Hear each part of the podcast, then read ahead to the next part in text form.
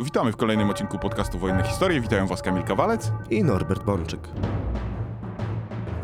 Co tydzień przybliżamy Wam szereg zagadnień oraz obalamy wiele mitów związanych z II wojną światową. Nasze odcinki powstają na bazie własnych, długoletnich badań naukowych, wertowania tysięcy stron zarchiwizowanych meldunków wojskowych, wreszcie publikowania książek i artykułów.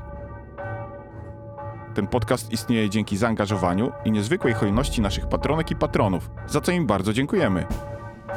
Jeżeli ty też uważasz, że warto zostać naszym patronem, możesz wesprzeć nas wpłatą w serwisie Patronate pod adresem patronate.pl łamane na podcast Wojenne Historie.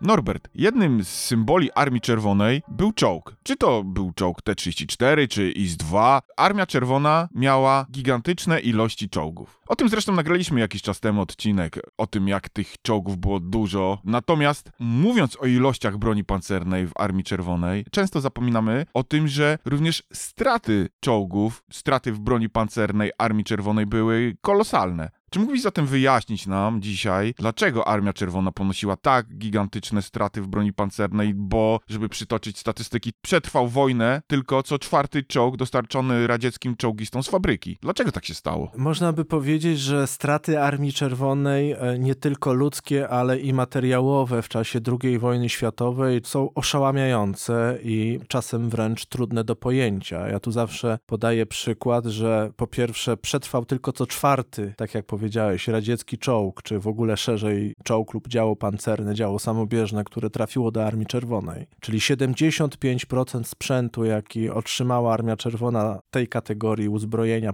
zostało zniszczone bezpowrotnie. Rosjanie stracili niemal bezpowrotnie tyle czołgów w II wojnie światowej, co Amerykanie wyprodukowali. W związku z czym to pokazuje tą skalę, dlatego że w II wojnie światowej, ale tylko w okresie liczonym od 22 czerwca 1941 roku do 9 maja 1945 roku, czyli nawet bez agresji Armii Czerwonej na Polskę, bez wojny zimowej, to straty bezpowrotne broni pancernej Armii Czerwonej to jest 97 tysięcy pojazdów na 132 tysiące, jakie do tej armii trafiły. Jest to oszałamiająca liczba. Natomiast niezależnie od tego, czy ta armia nacierała, czy się broniła, niezależnie od tego, czy była zwycięska, czy przegrana w danej operacji czy bitwie, ponosiła kolosalne straty. Niemcy również prowadząc działania ofensywne ponosili bardzo duże straty krwawe, ale bezpowrotnie tracili relatywnie mało sprzętu. Mieli olbrzymią liczbę pojazdów uszkodzonych, kierowanych do naprawy, ale jednak nie były to w żaden sposób straty porównywalne ze stratami Armii Czerwonej. Na jeden zniszczony bezpowrotnie niemiecki pojazd pancerny zawsze przypadało statystycznie oczywiście kilka pojazdów Armii Czerwonej. Armia Czerwona opierać się musiała na masie, dlatego że była nieefektywna bojowo, nadrabiała to masowością, w tym masowością nie tylko ludzką, ale również masowością w zakresie sprzętu wojskowego. Czyli Armia Czerwona operowała gigantycznymi wręcz ilościami samolotów, czołgów, armat. To w jakimś zakresie rekompensowało niską efektywność bojową, bo gdyby Armia Czerwona nie miała bardzo wysokiego nasycenia środkami, walki, to nie byłaby w stanie w ogóle walczyć skutecznie z Wehrmachtem. Związek Radziecki w II wojnie światowej pozyskał w ten czy w inny sposób wręcz astronomiczną liczbę czołgów, czy szerzej pojazdów pancernych, dlatego że to ewoluowało. To znaczy w roku 1941 zasadniczo praktycznie cała broń pancerna Armii Czerwonej to były czołgi, no i oczywiście samochody pancerne w jakimś zakresie, tankietki w magazynach, ale mówimy przede wszystkim o czołgach, bo samochodów pancernych tutaj nie liczymy. Nie mówimy dzisiaj o samochodach pancernych, mówimy o czołgach. W związku z tym czołg był podstawową bronią pancerną, więc czołg był bronią dominującą w latach 1941-42, natomiast od roku 1943 obok czołgów na polu walki coraz większych ilościach zaczęły się pojawiać działa samobieżne, działa pancerne, działa do walki bezpośrednio na pierwszej linii bądź działa samobieżne o charakterze pojazdów wsparcia. Tutaj różnica była dosyć zasadnicza, dlatego że instrukcje, dlatego że podręczniki taktyki wyraźnie odróżniały czołgi w Armii Czerwonej od dział samobieżnych. Inne były zadania taktyczne. Działa samobieżne miały za zadanie jednak trzymać się nieco z tyłu w stosunku do czołgów. To znaczy, jak się czyta na przykład podręczniki taktyki walki Armii Czerwonej z roku 1944, to widać, że działa samobieżne są pojazdami wsparcia, natomiast czołgi są pojazdami natarcia. W tym sensie tak to uproszczę w wielkim skrócie, to znaczy czołgi jednak pchają się na pierwszą linię, a nawet ją przenikają i buszują na tyłach przeciwnika, natomiast działa samobieżne jednak powinny trzymać się w szyku własnej piechoty i tak bardzo się nie wychylać. Oczywiście taka taktyka jest widoczna potem w ogólnej statystyce, bo kiedy my mówimy o prawie 97 tysiącach zniszczonych w II wojnie światowej w latach 41-45 pojazdach pancernych Armii Czerwonej, no to mamy 83 tysiące ponad czołgów i mamy 13 tysięcy dział samobieżnych. Ale i tak oczywiście straty dział samobieżnych na przykład w roku 44 czy w 45 były astronomiczne. No to może zacznijmy tą całą opowieść o tym pancernym pogromie od tego, ile właściwie ci Rosjanie tych czołgów na, mieli na dzień dobry w momencie rozpoczęcia wojny niemiecko-radzieckiej. 22 czerwca 1941 roku arsenały pancerne Armii Czerwonej były imponujące. 20 ponad 2000 czołgów. W związku z czym Armia Czerwona miała wtedy więcej czołgów niż wszystkie państwa razem wzięte. Ale to też był efekt 10 lat wielkich zbrojeń i dominowały czołgi lekkie w rodzaju T-26, czyli czołg uniwersalny o charakterze czołgu wsparcia piechoty, czy czołg kawaleryjski BT, czołg szybki o charakterze czołgu do działań manewrowych, do tego czołgi rozpoznawcze, na przykład T-37 czy T-38, raczej dosyć liche pojazdy, a z drugiej strony dość nowoczesne czołgi średnie T-28 po czołgi naprawdę ciężkie kolosy pancerne takie jak T-35. Armia Czerwona czołgami stała, chociaż nie czołg bynajmniej był najważniejszym typem uzbrojenia w Armii Czerwonej, tak jak w Armii Carskiej najważniejsza była artyleria. I broń pancerna była istotna. 22 tysiące pojazdów w dniu rozpoczęcia wojny z Hitlerem i 35 tysięcy pojazdów w chwili zakończenia wojny z Hitlerem. Przy czym oczywiście to już była zupełnie inna struktura, o ile w roku 1941 dominowały czołgi lekkie i nie mamy dział samobieżnych. W roku 1945 dominuje czołg jednak już średni, ale ta dominacja wcale nie jest taka wyraźna, bo Armia Czerwona w 1945 roku w maju ma 25 tysięcy czołgów i 10 tysięcy dział samobieżnych. W związku z czym widzimy, jak dużą rolę statystycznie, ale też strukturalnie odgrywały działa już samobieżne w roku 1945 i jednocześnie jak w samych czołgach mamy podział na czołgi średnie, ciężkie, lekkie, 11 tysięcy czołgów średnich, ale mamy też ponad 5 tysięcy czołgów ciężkich, a czołgi lekkie, częściowo już zdegradowane tak naprawdę do pojazdów rozpoznawczych, uzupełniających. W arsenałach nadal jest ich bardzo dużo, bo to jest prawie 9 tysięcy maszyn. Słowem, Stalin kończy wojnę mając czołgów ciężkich i ciężkich dział samobieżnych 8 tysięcy. W związku z tym potem po wojnie alianci zachodni mieli pewną psychozę czołgów IS zwłaszcza, bo Armia Czerwona cały czas rozwijała te czołgi ciężkie. W roku 1945 to był czołg IS-2, zwany wówczas IS-122, był nowy czołg IS-3, zresztą nieudany technicznie. Pracowano nad czołgiem IS-4, nad kolejnymi pojazdami tej generacji, no i były te ciężkie działa samobieżne, one potem po wojnie razem z czołgami ciężkimi były grupowane wspólnie w pułkach pojazdów ciężkich, w związku z czym mówimy o tym, że Armia Czerwona zaczynała wojnę na lekkich T-26 i BT, a kończyła na potężnych IS-122, ISU-122 czy ISU-152. No, ale nie uchroniło to wojsk pancernych Armii Czerwonej przed kolosalnymi stratami, bo takie same straty ponosiła mając te lekkie czołgi i chyba takie same straty ponosiła, jak miała te czołgi ciężkie. Z czego to wynikało? Tu może zacznę, Kamilu, od stwierdzenia i tak, i nie. To znaczy, nie ma w historii wojen porównywalnych strat w broni pancernej jak te, które Armia Czerwona doświadczyła na przełomie czerwca i lipca 1941 roku. Dlatego, że wtedy tak naprawdę w 11 dni nastąpił ten całkowity pogrom wojsk pancernych, o którym już kiedyś mówiliśmy, na kierunku bałtyckim, czyli na kierunku Litwa-Łotwa, gdzie bronili się Rosjanie przed niemiecką grupą Armii Północ. Oni stracili do 9 lipca 1941 roku ponad 2,5 tysiąca czołgów. To jest statystycznie 140 czołgów dziennie. Na kierunku białoruskim, czyli tam, gdzie uderzyła niemiecka grupa Armii Środek, oni do 9 lipca stracili 4800 czołgów i to jest absolutny rekord. To znaczy nigdzie nie stracili nigdy wcześniej ani nigdy później tyle czołgów, co na Białorusi, na Podlasiu na przełomie czerwca i lipca 1944 roku, kiedy wojska marszałka von Bocka dwa razy ich zmieliły. Tam mówimy o stratach na poziomie 4800 czołgów i to jest strata dzienna statystyczna 267 maszyn na dzień. Oczywiście odcinek południowy ukraiński. Oni tam do 6 lipca zameldowali stratę 4400 czołgów, nieco mniej niż na Białorusi, mimo że tam było ich główne zgrupowanie pancerne, ale statystyka dzienna 292 czołgi dziennie. Oczywiście pamiętajmy, że to jest statystyka nieco wadliwa, no bo były dni, gdzie tracili 500 czołgów dziennie i takie, gdzie tracili 100. Natomiast chodzi o to, że Armia Czerwona w niecałe 3 tygodnie straciła ponad 11 tysięcy czołgów, bo z tych 22 tysięcy czołgów na obszarach zachodnich miała 12 tysięcy czołgów w wojskach operacyjnych. I żeby uzmysłowić Państwu, jaka to jest skala strat, to wyjaśnię, że Niemcy stracili 11 tysięcy czołgów i dział pancernych na froncie wschodnim przez 2,5 roku, a Armia Czerwona wykręciła ten wynik w niespałe 3 tygodnie. I żeby jeszcze to Państwu porównać, to armia amerykańska, tocząc wojnę w 42,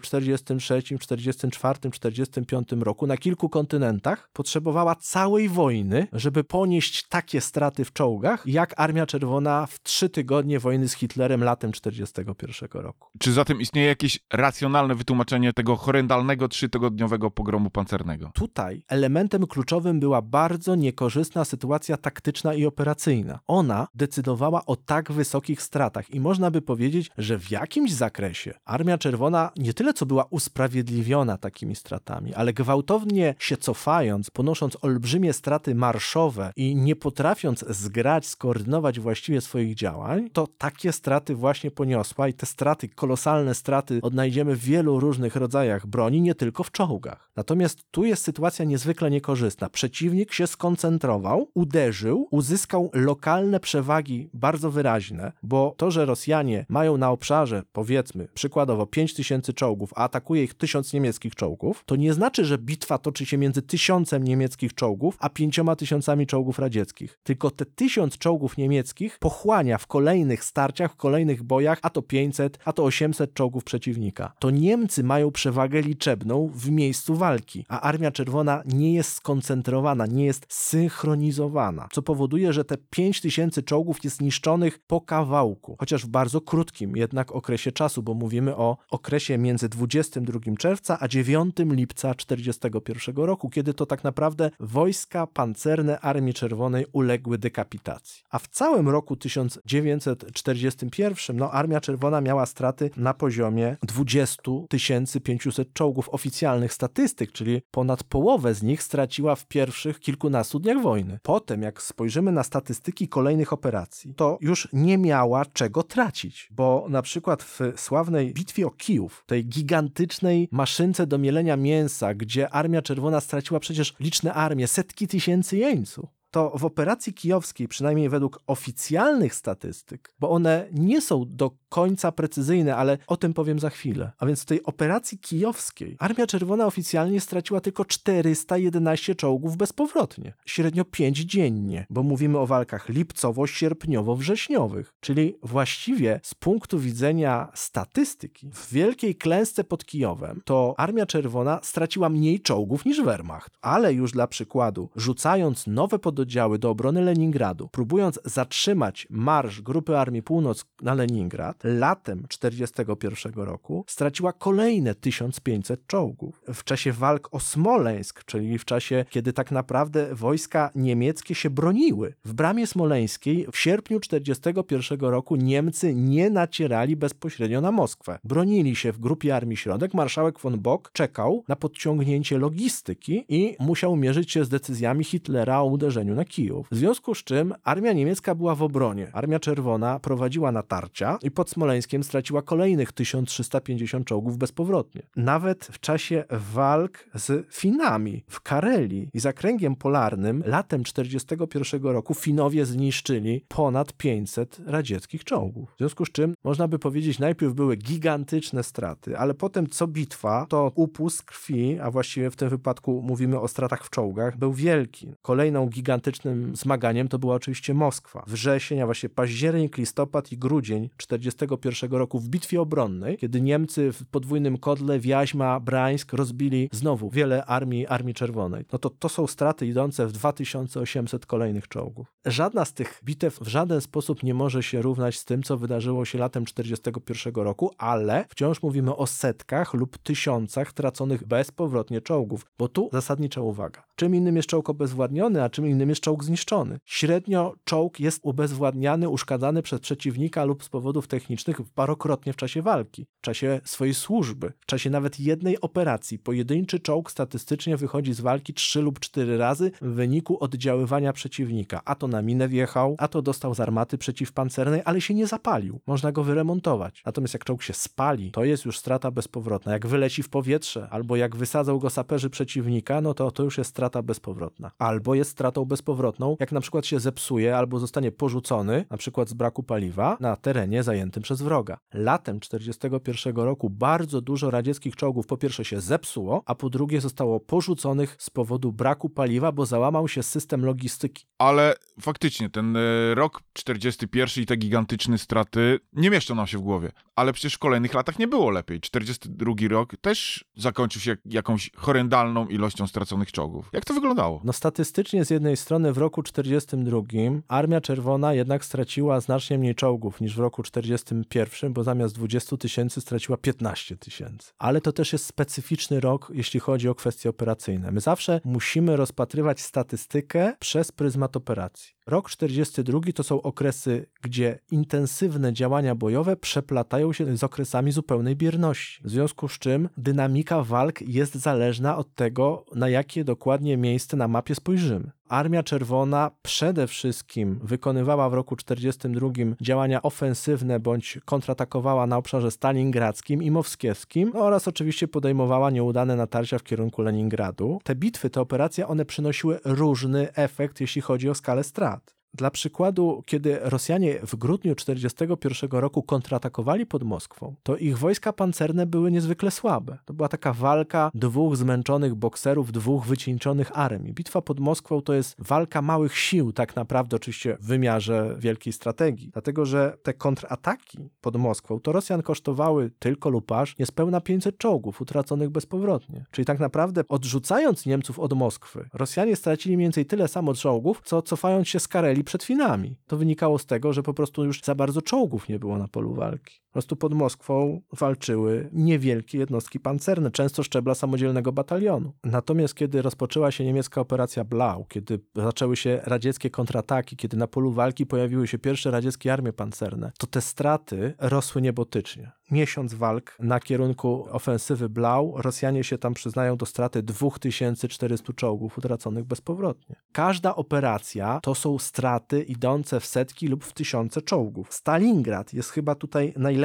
tego przykładem. Armia Czerwona w wielkiej bitwie od lipca 42 do lutego 43 straciła bezpowrotnie 4300 czołgów, czyli mniej więcej tyle, ile na Wołyniu i w Galicji na przełomie czerwca lipca 41. Większość tych czołgów to Rosjanie stracili atakując, a nie broniąc się. I to jest ten ponury fenomen Armii Czerwonej i ten ponury fenomen najbardziej jaskrawie pokazuje Bitwa Kurska. Ponieważ dla Armii Czerwonej Bitwa Kurska to to są trzy osobne operacje. To jest operacja obronna, operacja orłowska i operacja białgorodzko-charkowska. I zobaczmy na statystyki oficjalne. Kurska operacja obronna. 1600 czołgów zniszczonych bezpowrotnie, własnych. Potem następuje operacja orłowska na północy, a potem operacja białgorodzka. Ta południowa operacja białgorodzka to jest kolejne 1800 czołgów zniszczonych bezpowrotnie, ale wszystko blednie przy operacji orłowskiej, gdzie walczą trzy armie pancerne Armii Czerwonej i tam między 12 lipca a 18 sierpnia, czyli niewiele w ponad miesiąc, Armia Czerwona traci bezpowrotnie 2600 czołgów. Wygrywa bitwę, kończąc tą operację stratą 6000 pojazdów utraconych bezpowrotnie. To lato 43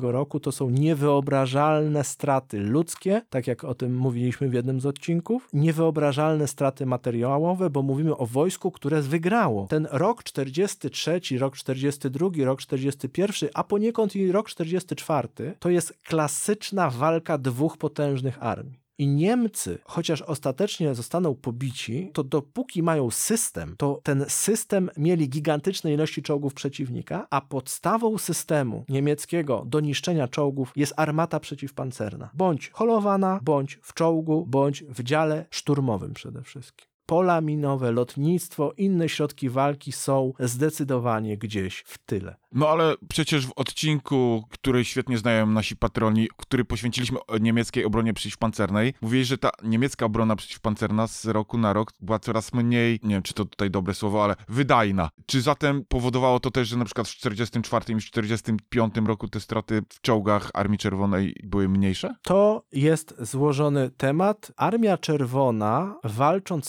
systemowo z Wehrmachtem, który walczył systemowo, zaczęła wyraźnie brać nad nim górę w roku 1944. I w roku 1944, jak zobaczymy straty bezpowrotne w radzieckich czołgach, to one w wymiarze wielkiej statystyki są takie same jak w roku 1943, bo mówimy w obu przypadkach i w roku 1943 i w roku 1944 o stracie ponad 23 tysięcy czołgów. Armia Czerwona w roku 1943 straciła 23 tysiące czołgów, ale nie uzyskała rozgromienia Wehrmachtu. Niemiecki system wciąż pracował. Natomiast w roku 1944 kosztem takich samych strat rozbijano już po prostu całe grupy armii niemieckich. Czyli efektywność systemowa klasycznego pola walki armii niemieckiej w roku 1944 zaczęła się załamywać, mimo że nadal w roku 1944 podstawowym środkiem niszczącym czołgi radzieckie była armata. Nieważne czy holowana, czy w czołgu, czy w dziale samobieżnym. Bo Niemcy wciąż walczyli w roku 44 systemowo, a rok 45 to jest zupełnie co innego. Bo z jednej strony załamał się niemiecki system, walka się zmienia. Armia Czerwona szturmuje Niemcy, Niemcy się desperacko bronią siłami ręcznych granatników przeciwpancernych, wyrzutni przeciwpancernych i zmienia się struktura strat. Armia Czerwona w roku 45 ponosi kolosalne straty w czołgach, ale już nie walcząc z systemem niemieckim, tylko walcząc z pancerfaustami. Straty Armii Czerwonej w roku 45, jeśli idzie o czołgi, są znów kolosalne. To znaczy Armia Czerwona w 4 miesiące wojny straciła przecież ponad 13 tysięcy pojazdów utraconych bezpowrotnie. I gdyby ta statystyka miała przełożenie na 4 kwartały roku 45, to te straty były najwyższe w historii. No bo gdyby tak tracili czołgi przez cały rok 45, jak tracili przez pierwsze 4 miesiące roku 45, to straciliby wszystkie czołgi, jakie mieli. Bo to byłyby straty straty na poziomie 50 niemal tysięcy wyeliminowanych czołgów Armii Czerwonej z walki. Statystycznie rok 45 był morderczy, ale był morderczy dlatego, że w walkach o wielkie i mniejsze miasta niemieckie wojska Armii Czerwonej musiały mierzyć się masowo z powszechną obroną przeciwpancerną opartą o panzerfausty czy pancerszreki. I kiedy Rosjanie potem robili analizy przyczyny strat swoich czołgów, to w roku 44 pancerfausty nie odgrywały praktycznie żadnej roli, bo walczono z przeciwnikiem w ramach systemów. Natomiast w roku 45 te radzieckie statystyki pokazują zupełne odwrócenie proporcji. W roku 45 rządzą pancerfausty i czołgi, które wylatują w powietrze, giną na ulicach miast czy na podejściach do miast, na terenie Rzeszy. To jest bardzo wyraźne, bo spójrzmy na te statystyki z roku 1945.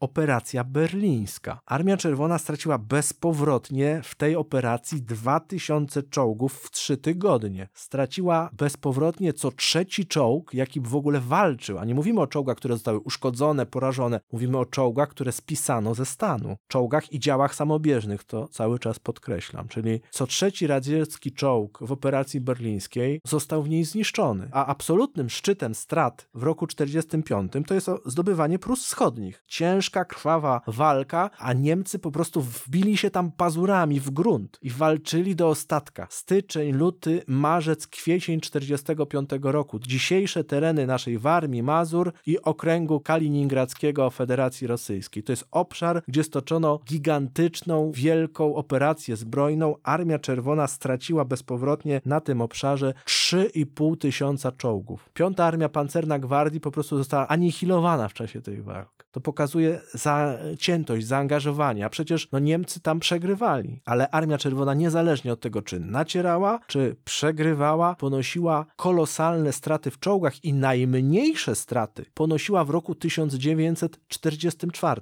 bo w roku 1943 potrzebowano przesilenia bitew rozstrzygających, a w roku 1945 to już była desperacka obrona Niemców, nie oparta bynajmniej o system, tylko właśnie o desperację. Rok 1944. Wówczas Niemcy stopniowo przez te 12 miesięcy odpadli z wyścigu w walce systemowej z radzieckim kolosem pancernym. I w roku 1944 Rosjanie meldowali, że tak jak powiedziałem, że ich przede wszystkim przeciwnikiem w walce były czołgi, armaty, działa szturmowe przeciwnika, a Niemcy ze względu na to, że tracili teren, że musieli się cofać, nie potrafili skutecznie wyzyskać lub też nie angażowali dość sił do innych sposobów walki z czołgami. To też jest niedoceniane, kiedy my mówimy o froncie wschodnim i froncie zachodnim. W wymiarze nowoczesnych środków walki i technik walki, po klęsce we Francji w roku 1944, Niemcy znacznie więcej środków zaczęli angażować na front zachodni niż na front wschodni. Spójrzmy na wybraną statystykę z konkretnego frontu Armii Czerwonej z roku 1944.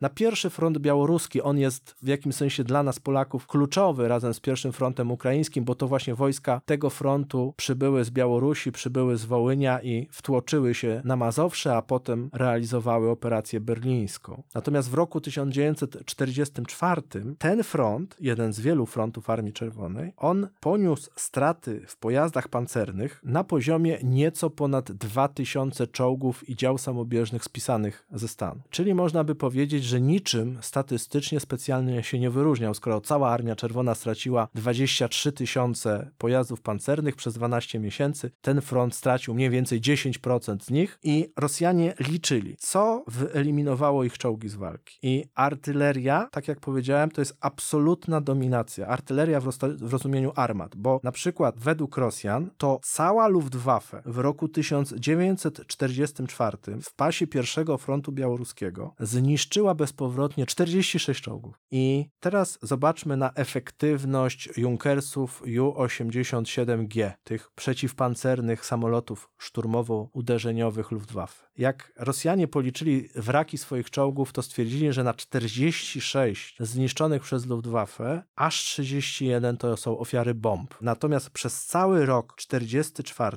tylko 15 czołgów zostało całkowicie zniszczonych ogniem armat przeciwpancernych podwieszanych pod samoloty Luftwaffe. Czyli były to w wymiarze statystycznym straty nieistotne. Co ciekawe, równie nieistotne były straty od min, dlatego że bezpowrotnie pierwszy front białoruski miał w roku 1944 utracić od min jedynie zaledwie 47 czołgów. Absolutna dominacja ognia artyleryjskiego. Czyli widzimy tutaj, że Niemcy na froncie wschodnim nie znajdowali już wówczas skutecznych metod szerszego oddziaływania na radziecką broń pancerną, skoro tak wiele czołgów trzeba było niszczyć artylerią, czy to czołgową, czy holowaną, a tak niewiele mimo wszystko czołgów przeciwnik tracił od ognia lotnictwa czy od pól minowych tu widzimy zasadniczą różnicę, o której ja już wspominałem, z frontem zachodnim. Że tutaj Armia Czerwona te straty ponosiła głównie od ognia nieprzyjacielskich dział i one były naprawdę duże, dlatego że samych czołgów T-34 w roku 1944 pierwszy front białoruski bezpowrotnie od ognia dział, armat stracił prawie 1000, dokładnie 985. A drugim najczęściej niszczonym wówczas pojazdem pancernym Armii Czerwonej było lekkie działo samobieżne Su-76, dlatego że tylko w pasie tego frontu utracono ich bezpowrotnie prawie 500. To było relatywnie lekkie i bardzo słabo opancerzone działo samobieżne. Ono w jakimś zakresie naśladowało w walce niemieckie mardery, a nawet działa szturmowe, tylko nie było do tego predysponowane, w związku z czym załogi tych pojazdów ponosiły zaskakująco wysokie straty. Naprawdę w roku 1944 bezpiecznie było być czołgistą w T-34, mimo kolosalnych strat tych czołgów w tym roku, niż załogantem lekkiego działa samobieżnego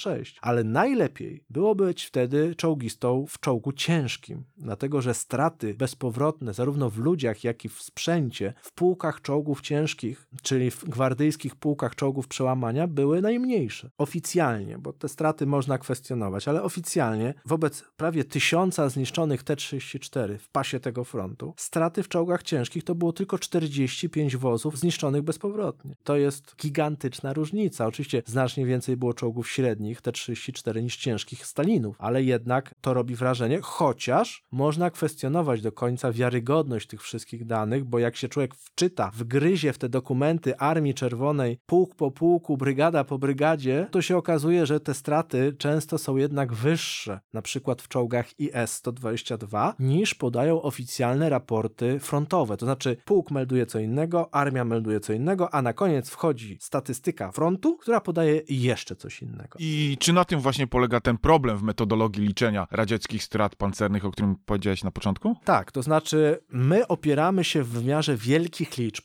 tak jak w przypadku strat ludzkich, na raportach poziomu frontu, ale jak zejdzie się do badań podstawowych dokumentów, to się okazuje, że te straty nie spinają się na poziomie czasami 10, czasami 20%, że te 97 tysięcy czołgów, które utraciła Armia Czerwona w II wojnie światowej, to tak naprawdę równie dobrze może oznaczać grubo ponad 100 tysięcy. Bo rozumiem, że te dokumenty bardziej szczegółowe, czyli dokumenty batalionów, pułków, brygad, wskazują na większe straty niż dokumenty frontowe. Tutaj diabeł tkwi w szczegółach. Czasami kluczowe jest zrozumienie, jak policzymy czołg odesłany do naprawy, do remontu kapitalnego w kraju. Czy potraktujemy go jako stratę bezpowrotną, czy jako stratę powrotną? Dlatego, że co innego zamelduje ci front. Nie, czołg nie został zniszczony. Owszem, spalił się razem z załogą, ale żeśmy go scholowali, zaciągnęli na stację, załadowaliśmy na platformę i odesłaliśmy w głąb ZSRR. Dla nas czołg nie jest zniszczony, poszedł do remontu kapitalnego. A potem ZSRR obejrzeli, obejrzeli do huty. I dla nich to już jest strata bezpowrotna. W związku z czym te statystyki można różnie interpretować, ale na pewnych statystykach trzeba się opierać. Ja razem z Marcinem Cichowskim byłem w stanie zrobić analizę strat czołgów dla jednego frontu. Akurat ten front walczył w Polsce, ale równie ciekawe kwiatki przecież mogłyby wy wyjść, jakby się analizowało, nie wiem, raporty z Bałkanów, czy z krajów nadbałtyckich, czy z jakiegokolwiek innego obszaru. Tylko rozumiem, że to jest iście benedyktyńska praca, bo wymaga przejrzenia tysięcy dokumentów. No dokładnie tak, dla jednego frontu białoruskiego to jest przecież samych tylko czołgów, jest mnóstwo, bo pamiętajmy, że przecież front ma własne dowództwo broni pancernej, które ma swoje statystyki, jednostki mają swoje statystyki, potem front ma własne statystyki. One naprawdę nie są często spójne. Jeżeli dowództwo pierwszego frontu białoruskiego meldowało za rok 44,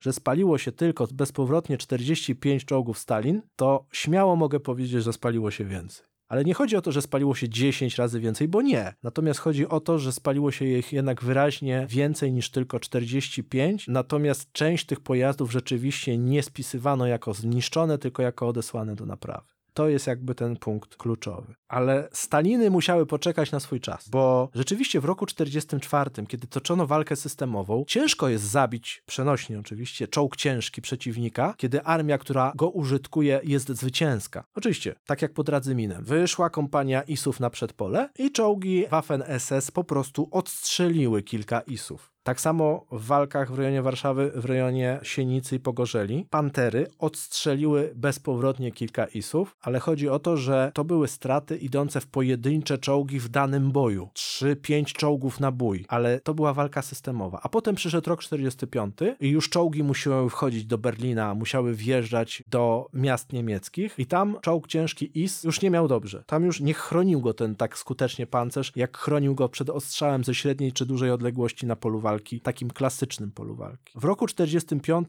każdy radziecki czołg był narażony na olbrzymie straty. W 4 miesiące armia niemiecka spaliła prawie 900 czołgów ciężkich IS i to są straty dokładnie takie same jak za cały rok 44. Norbert, Armia Czerwona, jak powiedziałeś, czy nacierała, czy się broniła? Wciąż traciła masowo czołgi. Co powodowało te straty? No bo armia amerykańska nacierając nie ponosiła aż tak horrendalnych strat. Podstawową i fundamentalną różnicą jest efektywność bojowa. Kiedy mówimy o systemie na polu walki, to pomnikowym przykładem systemu na polu walki jest armia amerykańska, czy szerzej wojska alianckie w rozumieniu Amerykanie, Kanadyjczycy, Brytyjczycy. Tam wszystkie rodzaje broni bardzo ściśle ze sobą współpracują i wszystkie są niezwykle efektywne. Natomiast Armia Czerwona taka nie jest. Mimo tej masy czołgów, samolotów i armat, one nie są ze sobą tak synchronizowane, nie współdziałają ze sobą tak na polu walki jak wojska alianckie. To potężne lotnictwo radzieckie nie jest zdolne ani do wywalczenia panowania w powietrzu, chociaż dominuje, ani nie jest zdolne do skutecznego, poza pewnymi przykładami, na przykład Bagration, skutecznego rażenia zaplecza nieprzyjaciela. Podobnie czołgi. One muszą nadrabiać liczbą gorszą efektywność bojową. No i pamiętajmy jeszcze o liczbach. Nawet Hitler, którego armia słabła coraz bardziej i bardziej, on pod koniec wojny, mówimy o końcu powiedzmy roku 44, nie mówimy o ostatnich miesiącach, kiedy to wszystko już się rozpadało, ale jego armia pod koniec roku 44 w wymiarze liczb no miała najwięcej czołgów w swojej historii, ale efektywność bojowa była już niższa. Czyli nie sugerujmy się tylko i wyłącznie liczbami. Musimy patrzeć na to w kategoriach systemowych. Dla Rosjan skuteczny był inny system. Ten na polu walki jeszcze im kulał. Efektywność bojowa była ograniczona, musieli nadrabiać masą, ratowali się gigantyczną ilością środków bojowych na polu walki. Natomiast to, co u nich dobrze grało, to przemysł dostarczający im uzupełnienia. Czyli można było rozwalić 100 radzieckich czołgów, a po dwóch tygodniach na skład armijny przyjeżdżało kolejnych 100 radzieckich czołgów. Ale co z czołgistami? Czy oni nie mieli problemu w obsadzaniu tych załóg czołgowych? Szkolenie kadr, zresztą dosyć uproszczone, wypełniało straty. Armia Czerwona nie miała wielkiego problemu z uzupełnieniem strat, tym bardziej, że na szczęście dla czołgistów to nie jest tak, że zawsze z czołgiem, który zostaje wyeliminowany lub nawet zniszczony w walce, ginie załoga. W związku z czym część czołgistów przeżywa, zdoła się ewakuować. Tutaj Rosjanie największe straty w załogach ponieśli dopiero w roku 1945, kiedy po strzale z Panzerfausta często nie było już ucieczki ani ratunku. Natomiast jak z odległości pół kilometra czy kilometra gdzieś zaczajona Pantera albo armata PAK-40 strzelała z pocisku kaliber 75 mm, to szanse przeżycia załogi były bardzo wysokie. Zresztą tu paradoksalnie posłużę się statystyką z frontu zachodniego. Średnio w amerykańskich czołgach w II wojnie światowej w wyniku porażenia czołgu ginął jeden czołgista na pięciu. To jest statystyka amerykańska. Radzieckie statystyki w tym względzie są mało wiarygodne, więc nie będę się na nie powoływał, dlatego że zupełnie czym innym są straty w czołgistach w Berlinie, a czym innym są straty czołgistach przykład w operacji Bagration, które są niewielkie. Właściwie w czasie II wojny światowej Armia Czerwona traciła czołgi wszystkich klas, działa samobieżne wszystkich klas. Ale wiadomo, że z racji liczby wyprodukowanych egzemplarzy, absolutnie największe straty poniesiono w czołgu T-34.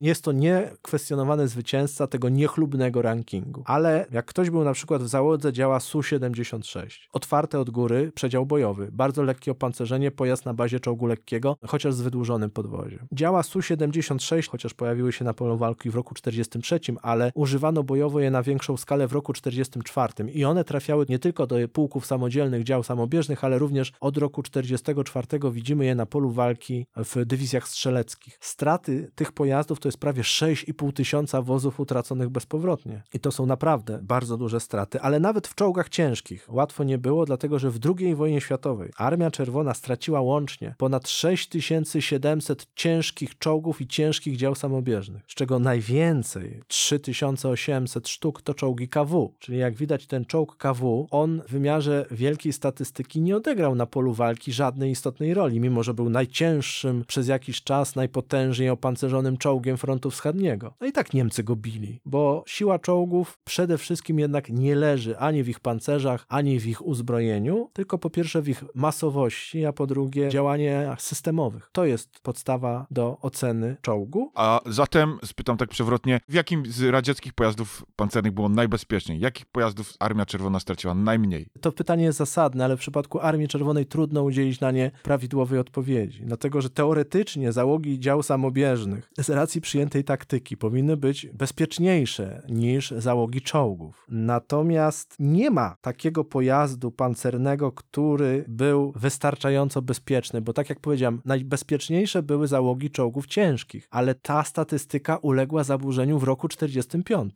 W jakimś zakresie najbezpieczniejsze były załogi dział samobieżnych, które powinny z definicji walczyć z drugiego szeregu. I to jest zaburzone, bo ten pojazd pojawił się na polu walki bardzo późno, ale najmniejsze straty poniesiono w działach samobieżnych SU-100, dlatego że to są pojazdy, które pojawiły się na froncie dopiero pod koniec roku 44 i z racji funkcji taktycznej niszczyciela czołgów nie były angażowane do szturmów, tylko były trzymane jednak z tyłu. W związku z czym załogi dział SU-100 miały najmniejsze straty, a jednocześnie dysponowały, jeśli chodzi o środki przeciwpancerne, najpotężniejszymi w Armii Czerwonej armatami przeciwpancernymi. Statystycznie można też powiedzieć, że relatywnie niewielkie straty poniosły załogi dział samobieżnych SU-85, ale tutaj pojęcie relatywnie małe straty oznacza zniszczenie prawie 1900 takich pojazdów. Można powiedzieć zatem, że to kwestie operacyjne i taktyczne definiowały to, gdzie było bezpieczniej, ale tak naprawdę nigdzie nie było bezpiecznie, a chyba oczywiście tutaj nikogo nie zaskoczę. No, najgorzej chyba było w czołgu lekkim, znaczy zwłaszcza w czołgach T-60 i T-70. Tutaj straty tych pojazdów były w latach 42-43 kolosalne. Łącznie czołgów tych typów utracono ponad 10 tysięcy, prawie 11 tysięcy, 10 881, jeżeli mamy być precyzyjni, czyli tak naprawdę pole walki pokazało, że czołg lekki stracił rację bytu. W 1942-1943 roku Armia Czerwona nadal użytkowała bardzo dużo czołgów lekkich na froncie, ale się okazało, że rozwój obrony przeciwpancernej i coraz większa liczba ciężkich armat przeciwpancernych powodowała, że no, czołgi lekkie straciły rację bytu. Podsumowując, nie ma analogicznych strat w czołgach w historii jak straty Armii Czerwonej w tym rodzaju uzbrojenia na polach II wojny światowej. 100 tysięcy pojazdów zostało utraconych, ale paradoksalnie przemysł Związku Radzieckiego, czy szerzej Wielkiej Koalicji Antyhitlerowskiej był silniejszy. Więcej powstawało czołgów w fabrykach niż Niemcy mogli odstrzeliwać na frontach. W efekcie czego, gdy wojna się skończyła, Armia Czerwona była silniejsza w czołgi niż kiedykolwiek wcześniej. No to jest ciekawe, że zawsze gdy mówimy o Armii Czerwonej i jej potencjale, ewentualnie jej stratach, to są zawsze odcinki wielkich liczb, no i w tym wypadku też nie było inaczej. Dziękuję Ci ślicznie za ten odcinek i do usłyszenia. Dziękuję bardzo.